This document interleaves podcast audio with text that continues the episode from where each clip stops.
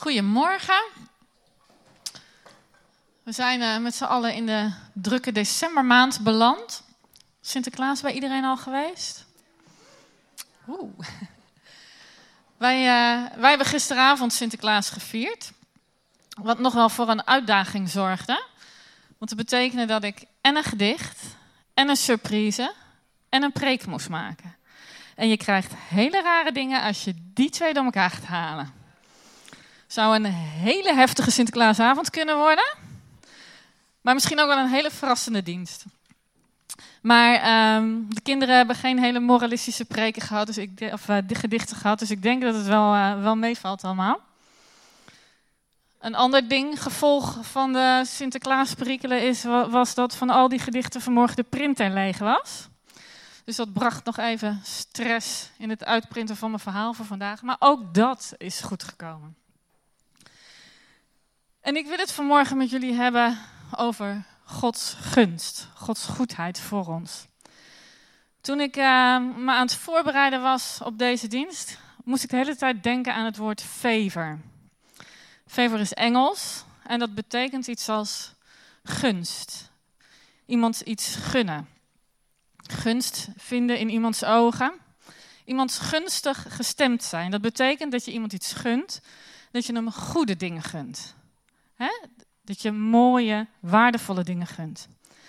Goedheid is ook een woord wat gebruikt wordt voor favor. In de Bijbel wordt het vaak vertaald met genade. En genade is eigenlijk onverdiende gunst. Het onverdiend iets gegund te krijgen. Dus gunst en genade liggen heel dicht bij elkaar. En wanneer het in de Bijbel gaat over genade, over gunst, dan gaat het over het feit dat Hij van ons houdt. Dat Hij ons aangenomen heeft als zijn kinderen en dat we gerechtvaardigd zijn in zijn ogen. En dat Hij het goede voor ons wil. Het gaat over Gods vriendelijkheid, zijn goedheid die Hij aan ons laat zien. In het Nieuwe Testament wordt daar het woord charitas gebruikt. En dat betekent acceptatie, voordeel, gunst, cadeau, genade, genadig, vreugde, vrijheid, plezier. En dat woord charitas wordt onder meer gebruikt in Lucas 2, vers 40, waar staat dat Jezus opgroeide, sterk was en begiftigd met wijsheid en Gods genade rustte op hem. Charitas. Gods gunst en genade rustte op Jezus. Nou, dat woord charitas stamt af van het woord charis, dat jullie misschien wel herkennen. Het is ook verwant aan de genadegave van God, de charismata. En dat is iets wat je gegeven wordt, genadegave, waar ik laatst ook over gesproken heb. Dus je krijgt iets wat je niet verdient. Het betekent begenadigd zijn. Nou, volgen jullie het een beetje? Een beetje duidelijk waar we het over gaan hebben vandaag?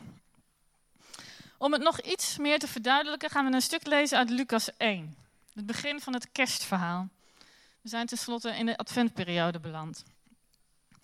Ook daar, waar genade en gunst genoemd wordt, wordt een vorm van het woord charis gebruikt. Lucas 1, vers 26 tot en met 33. En uh, ik heb hem deze niet helemaal uitgeschreven, dus luister maar gewoon. In de zesde maand zond God een, de engel Gabriel naar de stad Nazareth in Galilea.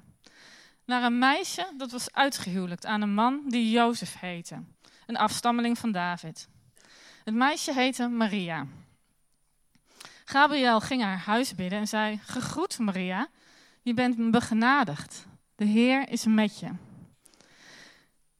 Ze schrok hevig bij het horen van zijn woorden en vroeg zich af wat die begroeting te betekenen had. Maar de engel zei tegen haar: Wees niet bang, Maria. God heeft je zijn gunst gegeven, geschonken. Luister, je zult zwanger worden en een zoon baren en je moet hem Jezus noemen. Hij zal een groot man worden en de zoon van de Allerhoogste worden genoemd. En God de Heer zal hem de troon van zijn vader David geven. Tot in de eeuwigheid zal hij koning zijn over het volk van Jacob en aan zijn koningschap zal geen eind komen. Maria, je bent begenadigd. De Heer is met je. Wees niet bang, Maria. God heeft je zijn gunst geschonken. God heeft je zijn gunst geschonken. Maria is daar bezig in haar eigen huis.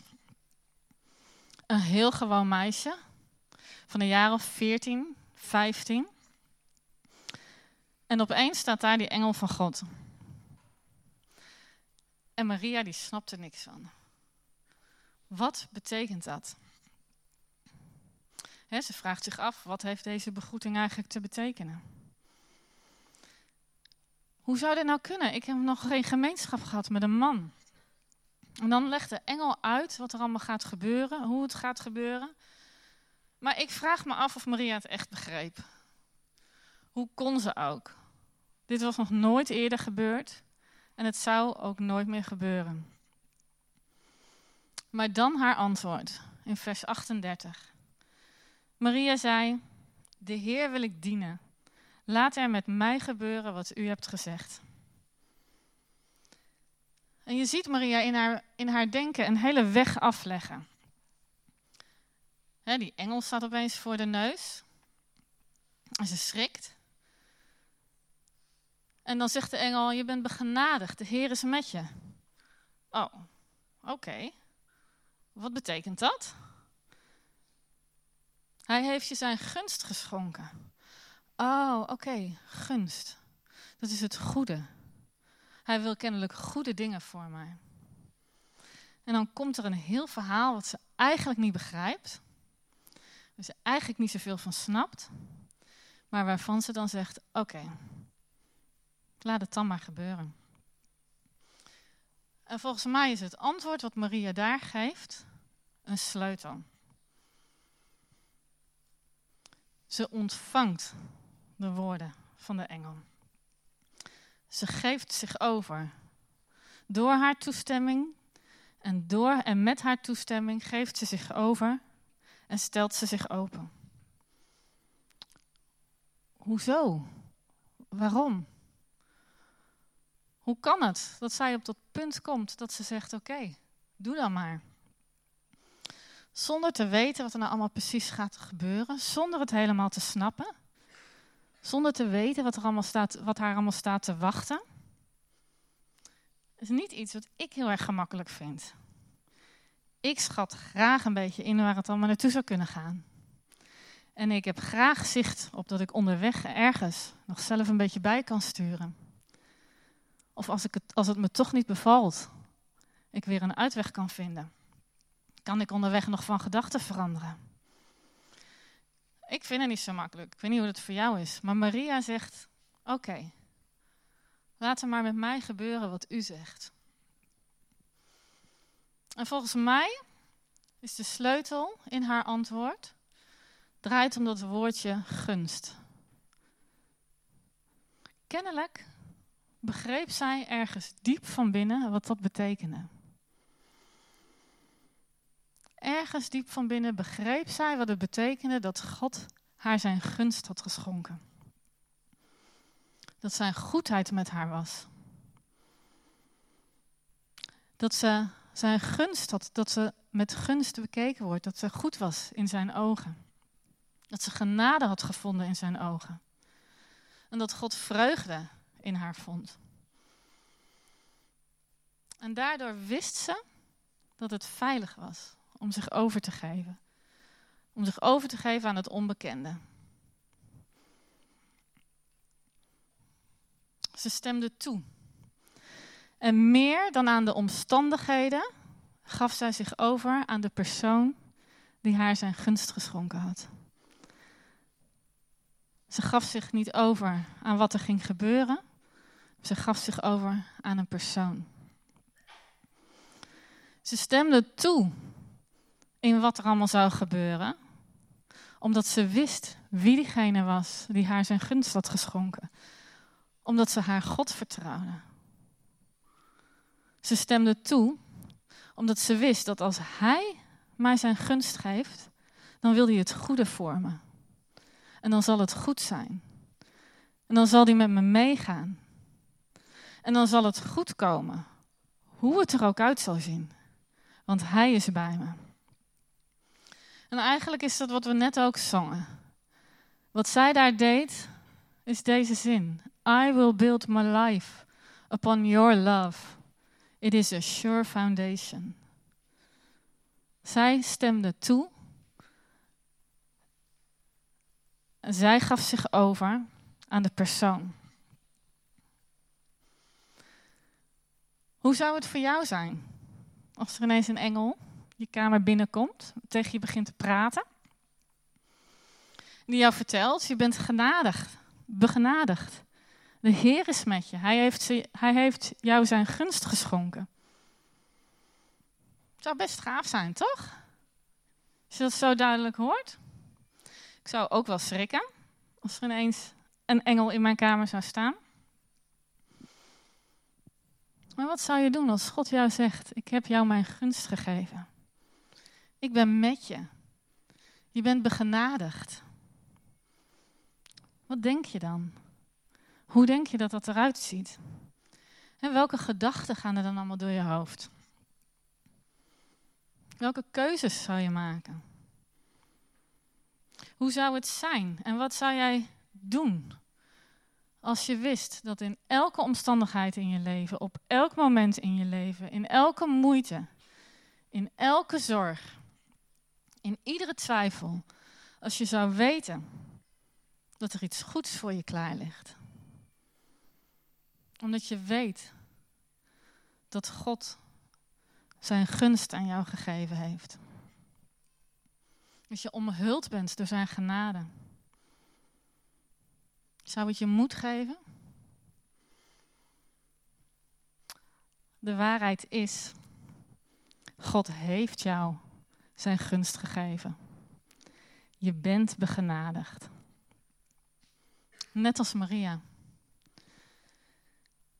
Net als Maria zegt God tegen jou: Ik heb je mijn gunst geschonken. Je bent begenadigd. Ik ben bij je. Paulus legt dat uit in Romeinen. Even een aantal stukjes uit de Bijbel. Romeinen 3, vers 24. Iedereen wordt uit genade, die niets kost, door God als een rechtvaardige aangenomen, omdat Hij ons door Christus Jezus heeft verlost. Gods gunst, Gods genade wordt jou gegeven, omdat je Jezus kent. En in, in de relatie met God ziet Hij jou als rechtvaardig. Zijn gunst is op je. 5, vers 1. Wij zijn dus als rechtvaardigen aangenomen op grond van ons geloof. En we leven in vrede met God. Door onze Heer Jezus Christus. Dankzij Hem hebben we door het geloof toegang gekregen tot Gods genade, die ons fundament is. En in de hoop te mogen delen in zijn luister prijzen wij ons gelukkig. Wij leven in vrede met God. Er is vrede tussen jou en Hem en Hem en jou. Vrede. En in een relatie waar vrede het fundament is, is vrede de basis van alle interactie. En dat is een vrede die alles kan doordrenken. En we hebben toegang tot zijn genade. Zijn genade is ons deel. Het komt ons toe. Je hebt genade gevonden in zijn ogen. Hij kijkt met genade, met gunst naar jou. Met vreugde, met goedheid. En wanneer je naar hem kijkt, vind je genade. Zie je zijn gunst. Romeinen 8, vanaf vers 31. Wat moeten we hier dan verder over zeggen? Als God voor ons is, wie kan er dan tegen ons zijn? Zal hij, die zijn eigen zoon niet heeft gespaard, maar om hem, maar hem omwille van ons alles heeft, allen heeft prijsgegeven, ons met hem niet alles schenken? Wie zal Gods uitverkorene aanklagen? God zelf spreekt hem vrij. Wie zal hem veroordelen?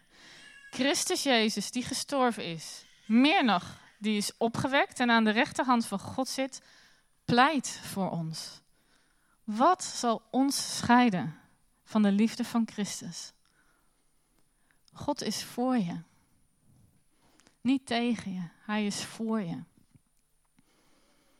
En Hij heeft alles gegeven om jou dicht bij zich te hebben. Zou Hij niet alles doen om jou dicht bij zich te houden?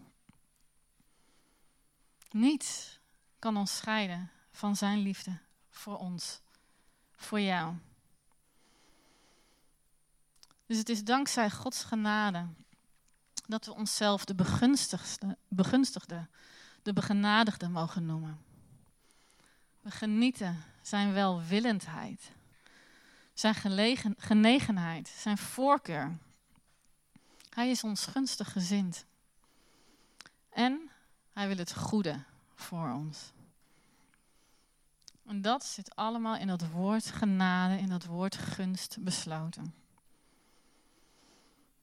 Hij noemt ons zelfs zijn kinderen. Nou, als er iemand is aan wie ik mijn gunst schenk, schenk dan zijn het onze kinderen. Ook aan Bram, maar vooral aan onze kinderen. Dat is een andere relatie, hè? Ik vind enorm veel vreugde in mijn kinderen. En dat laat ik zien. Ik laat mijn gunst aan hen zien mijn liefde aan hen laat ik zien door tijd met ze door te brengen. Door naar ze te luisteren, met ze te praten. Om genade, door genadevol met ze om te gaan. Ik praat met ze. Ik wil het goede voor ze. Ik help ze, we helpen ze. En wat we proberen is, in ieder geval proberen, is om hem, uh, hen te laten opgroeien tot gezonde, evenwichtige, volwassen mensen die op hun eigen benen kunnen staan. Zo is het ook met Gods gunst. Als het iets is, dan is het zijn manier om zijn liefde voor ons en ons te laten zien. Het is een expressie van zijn liefde. En ik las vanmorgen nog zo'n mooie quote van een Canadese filosoof, een christen. En die zei: Liefde is niet in eerste instantie iets doen voor de ander. Het is de ander zijn of haar schoonheid en waarde laten zien. Door in hoe je met de ander omgaat te laten zien, je bent prachtig. Je bent belangrijk. Ik vertrouw je. En je kan jezelf vertrouwen. Dat is wat God wil zeggen met zijn gunst. Je bent prachtig. Je bent belangrijk. En ik vertrouw je. Ik vind je zo kostbaar dat ik bij je wil zijn. Neem je dat aan? Hij wil bij ons zijn om ons te helpen, om ons te leiden in de vraagstukken die we hebben. Om ons moed te geven. Zijn genade en gunst zijn met ons en hij nodigt ons uit in een relatie met hem. Kom maar, ik ben je goed gezind. Ik wil het goede voor je. Ik heb je lief. Ik zie wie je werkelijk bent. En ik geef je zo graag mijn gunst en mijn genade en al het goede wat ik voor je heb. En ik laat je niet alleen.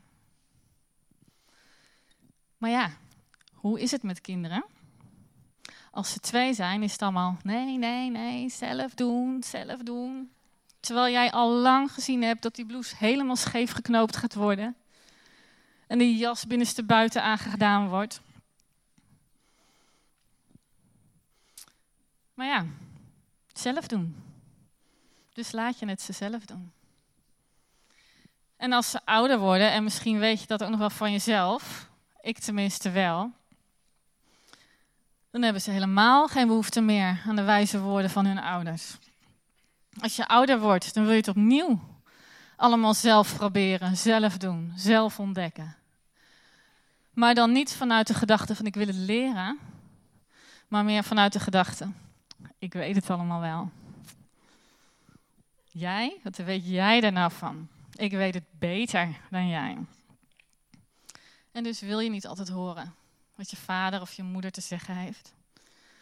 Of wat zij weten, wat jij niet weet. Of wat ze zien, wat jij niet ziet.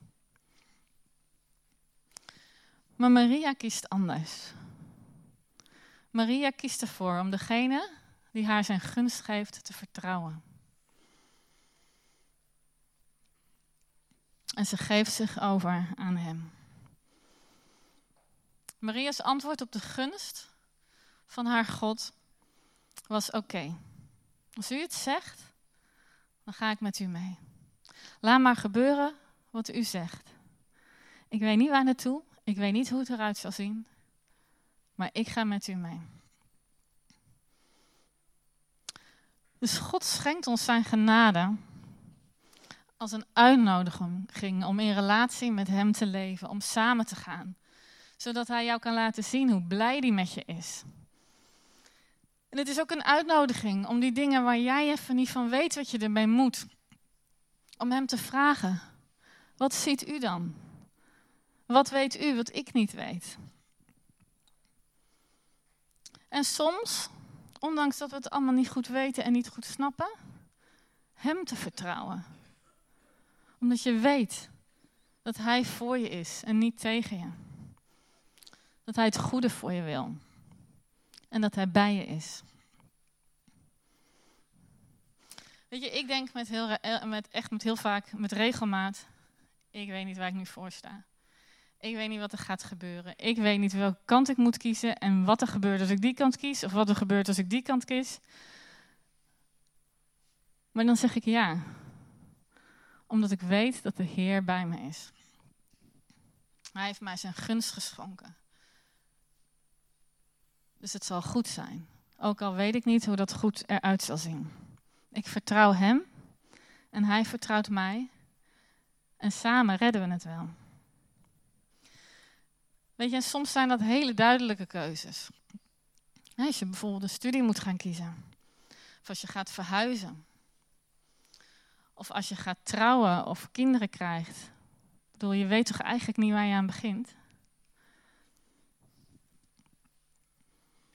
En voor mij was het instappen in het leiderschap ook zo'n moment. Geen idee wat het allemaal in zou houden. Geen idee waar het me zou brengen.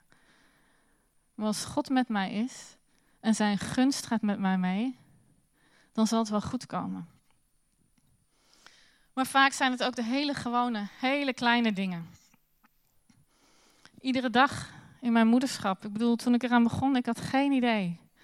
En nu ze ouder worden, kan ik het niet meer zo goed met mijn intuïtie en mijn moederlijke instinct. En regelmatig voel ik me tekortschieten en weet ik het even niet meer. Weet ik niet of ik wel de juiste skills heb, of ik het wel goed doe, of ik ze wel breng waar ik denk dat ik ze moet brengen. Maar dan opnieuw, God heeft mij zijn gunst gegeven. Hij heeft mij dit toevertrouwd. En ik heb toegang tot zijn genade. En daar is alles wat ik nodig heb. misschien zit jij nu ook wel op zo'n punt. Zo'n sprong in het diepe. En je overziet niet helemaal waar je uit zou komen. En misschien heb je het zelf geïnitieerd. En misschien heb je het niet zelf geïnitieerd. En misschien uh, kijk je er heel erg naar uit. Misschien doet het heel veel pijn. Gods genade is met je. Hij heeft je zijn gunst geschonken. Hij gaat met je mee. Want Gods gunst is een uitnodiging om in relatie met Hem te leven. En je mag, net als Maria, je vragen stellen. Hoe dan?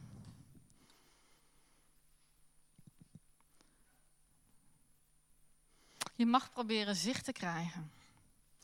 Want ook daarin wil hij je graag zijn goedheid laten zien.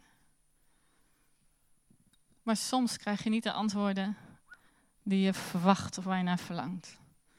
En durf je dan de persoon te vertrouwen die jou zijn gunst heeft geschonken. Valt niet altijd mee om dat te ontvangen. Maria moest er ook even over nadenken. Zij had ook even haar vragen nodig. Wat betekent deze ontmoeting, deze begroeting? En we wachten vaak op God. Terwijl het misschien soms meer is dat Hij op ons wacht. Op ons antwoord. Op zijn vraag, op zijn mededeling. Ik heb je mijn gunst geschonken. Maria zei ja. En ze ontving het. want Gods gunst is iets wat je mag ontvangen. Het is een gift, een gave aan jou. Maar toch is er nog iets anders als het gaat over die gunst. Want het blijkt ook dat het iets is waar je in kan groeien. Zelfs Jezus groeide daarin. In gunst bij God en mensen. Lucas 2, vers 52. Jezus groeide verder op en zijn wijsheid nam nog meer toe. Hij kwam steeds meer in de gunst bij mensen, bij, bij God en de mensen. Zijn gunst nam toe. Het vermeerderde. Dus zelfs Jezus, die zonder zonde was, begon met minder gunst dan waar hij eindigde. Want hij groeide in gunst. De gunst nam toe. Weet je, dat hij meer in de gunst bij mensen kwam, dat, dat snap ik wel. Dat kan ik wel begrijpen. Maar hoe Jezus in gunst kon groeien naar God toe, dat begrijp ik niet helemaal. Maar het staat er wel. En wat betekent dat dan voor mij, voor ons? Kennelijk is er dus groei mogelijk in het ontvangen van de gunst die God je schenkt. Maar het werd je toch gegeven? Hoe zit het nou? Moet ik dan toch wat doen? En opnieuw denk ik dat het antwoord van Maria de sleutel is. Haar ja. Haar ja en amen. Haar toestemming. Haar laat, het, laat er met mij gebeuren wat u hebt gezegd. God bood haar iets aan en zij nam het aan. Ze realiseerde zich dat deze genade, deze gunst, haar toekwam, voor haar was. En dat maakte dat ze klaar was om het te ontvangen. Ze stemde niet alleen toe, ze stemde in. Ze stemde in met de woorden van God: Ik heb jou mijn gunst geschonken.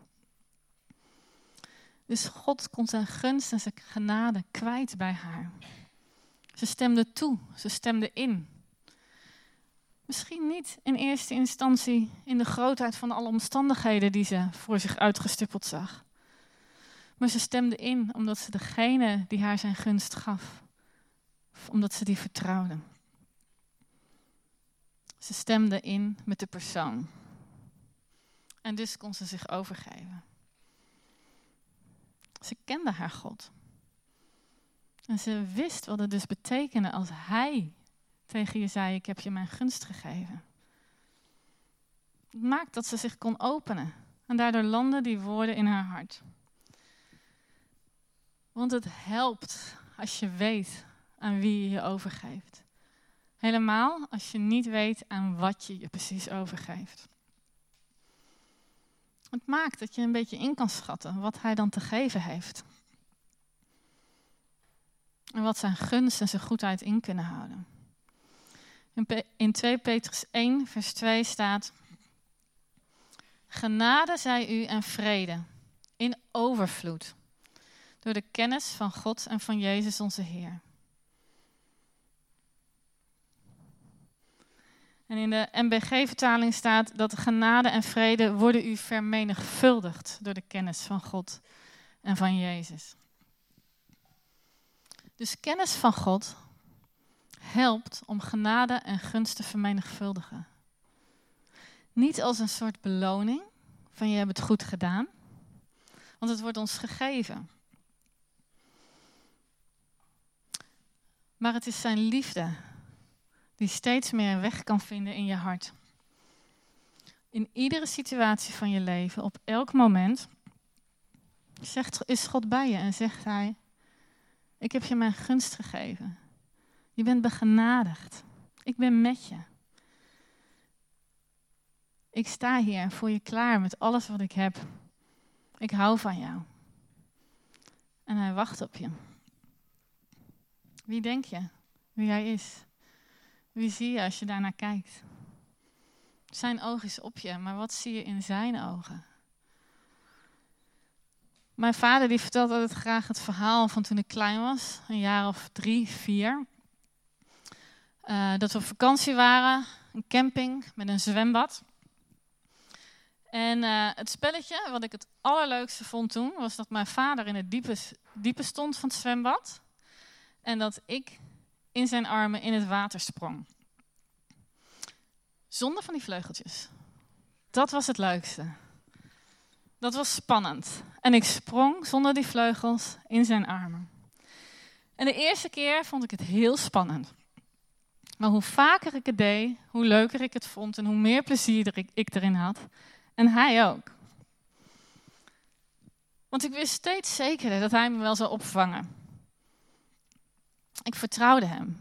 Niet de omstandigheden, want ik kon nog steeds niet zwemmen. Maar ik vertrouwde erop dat hij mij zou vangen. Dus hoe vaker ik het deed, hoe meer mijn vertrouwen groeide. Hij stond daar klaar met zijn armen wijd. En ik wist natuurlijk wel dat hij me niet zou laten zinken. Ik ken mijn vader. Maar ja, is hij echt wel zo sterk? En als ik met mijn ogen dicht in het water spring, is hij dan echt wel waar ik denk dat hij is? Iedere keer dat je springt,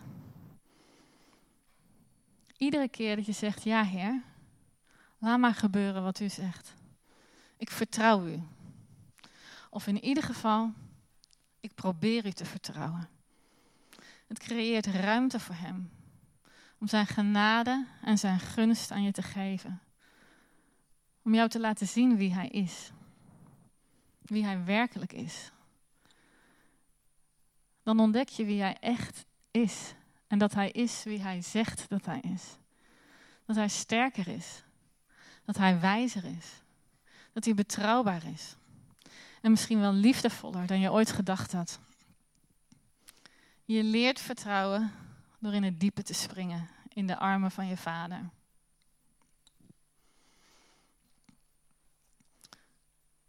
Dus voordat ik in het zwembad sprong, wist ik dat mijn vader me niet zou laten zinken. Ik kende hem.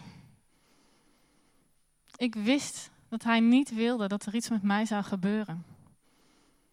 Ik ken mijn vader. Kennis van God, van Jezus, van wie Hij is, is een fundament. Dat was het voor Maria, wat maakte dat ze ja kon zeggen. En dat is het voor jou en voor mij.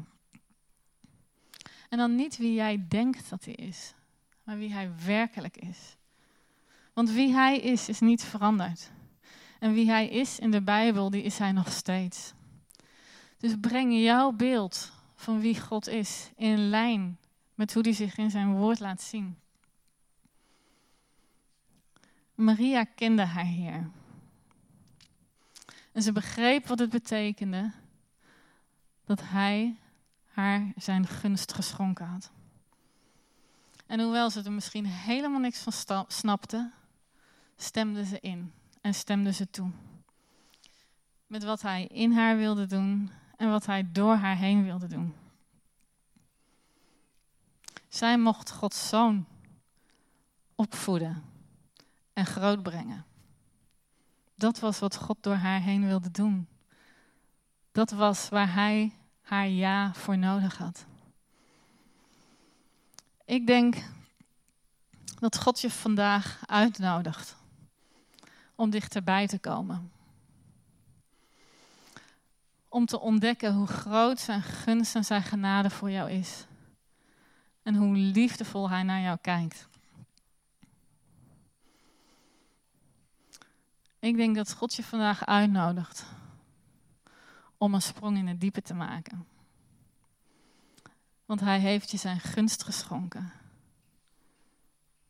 Maar wat is je antwoord?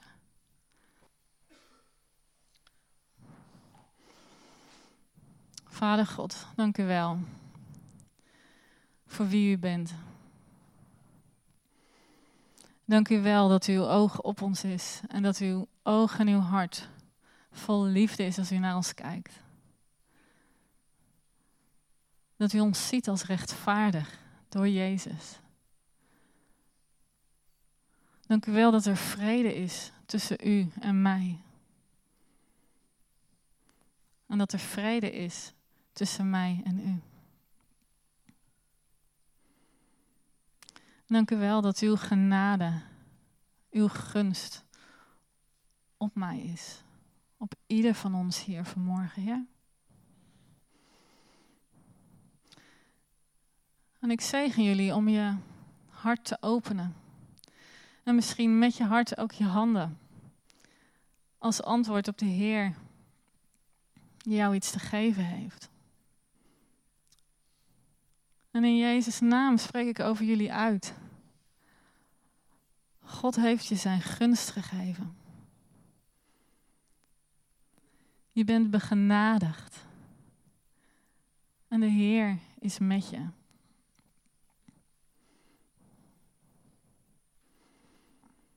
En zijn uitnodiging is om uh, zijn genade te ontvangen. Op die plekken in je hart of die dingen in je leven waar je het eigenlijk heel moeilijk vindt. En hij uh, vraagt je, kom maar tevoorschijn. Mag ik je gezicht zien, want ik heb je iets te geven. Mijn gunst, mijn goedheid, mijn liefde. Ik zegen jullie om in het diepe te springen.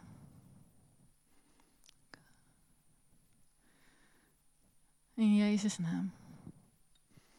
Amen.